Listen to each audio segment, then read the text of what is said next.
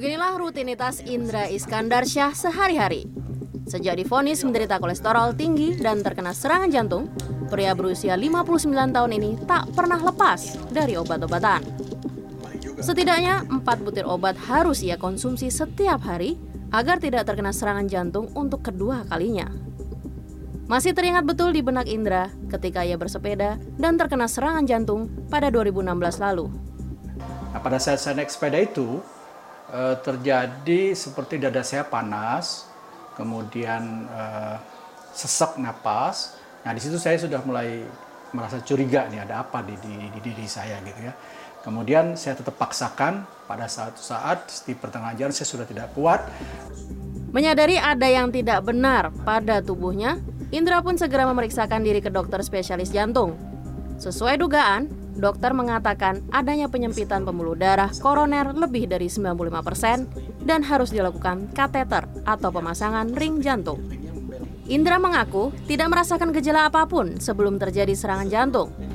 Namun ia menyadari serangan yang dialami disebabkan oleh pola makan dan pola hidup yang tidak sehat uh, asal muasal sih nggak ketahuan ya. Artinya saya biasa makan biasa pernah olahraga, saya makan ya makan yang berlemak seperti makan bakso, makan soto soto Betawi gitu ya. Artinya yang mengandung kolesterol tinggi lah ya.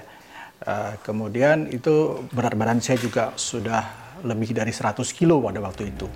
Pasca pemasangan ring, Indra pun mengubah pola hidup untuk menjaga kesehatannya. Indra menyadari serangan jantung tak bisa diremehkan. Kini, Indra tidak lagi menyentuh rokok, mengurangi makanan berminyak, makanan bersantan, dan daging olahan. Setiap hari, Indra rutin mengkonsumsi sayur dan olahraga ringan di waktu luangnya. Serangan ya takut alami lah ya. Berarti ada rasa takut ada. Cuman ya kita nggak sempat berpikir lagi karena uh, tujuannya kan cepat-cepat ke rumah sakit gitu, segera ke rumah sakit gitu loh udah itu aja takutnya takut mati ya pastilah kenapa serangan jantung ya? Eh, serangan jantung paling ya kita nggak bisa dibuat main-main gitu ya. Namun apa itu kolesterol? Bagaimana kolesterol bisa menyebabkan serangan jantung? Kolesterol adalah gabungan lemak dan protein yang dibutuhkan oleh tubuh untuk menghasilkan vitamin D dari matahari, pembentukan hormon, serta memproduksi lapisan membran sel dalam tubuh. Namun, jika jumlah kolesterol di tubuh berlebihan, tentu akan berdampak tidak baik bagi tubuh kita. Eh, dampaknya kalau terlalu banyak tentu akan menyebabkan penumpukan nomor satu di jaring lemak. Yang kedua, yang paling berbahaya ada deposisi di dinding pembuluh darah. Baik itu pembuluh darah koroner di jantung, pembuluh darah di perifer, di kaki, atau bahkan mungkin di otak, serta pembuluh darah organ lain. Yang paling sering, yang tentu sangat berbahaya, eh, penumpukan di pembuluh darah Eh, koroner, di mana itu nanti kita sebut sebagai penyakit aterosklerosis.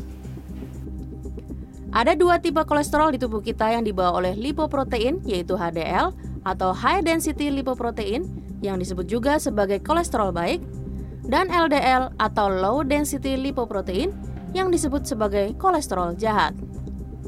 HDL disebut kolesterol baik karena memiliki lemak yang sedikit dan lipoprotein yang banyak. HDL akan mengangkut lemak dari seluruh tubuh untuk dibawa ke hati dan dibuang oleh tubuh melalui proses ekskresi.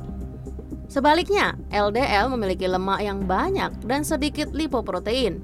Hal ini membahayakan karena LDL akan membawa lemak ke seluruh tubuh, terutama ke dinding-dinding pembuluh darah di jantung.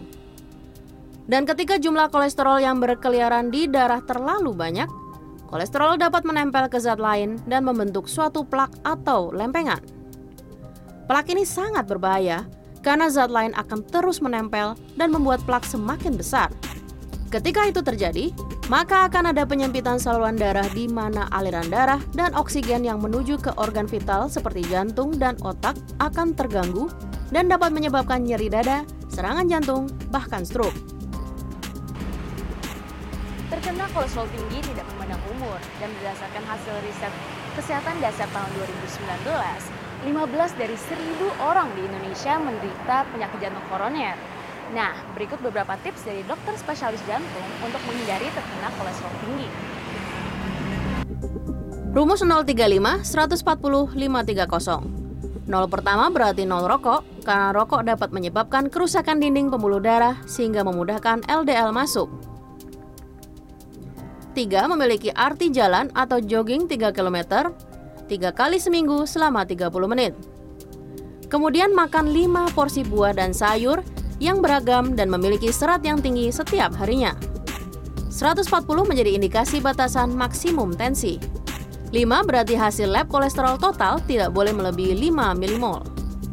3 berarti hasil lab kadar LDL tidak boleh melebihi 3 mmol. Dan 0 terakhir memiliki arti tidak boleh obesitas. Nah, bagaimana? Tidak begitu sulit bukan?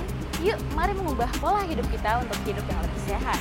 Laurencia Gata, Lastonga Pebro, Jakarta.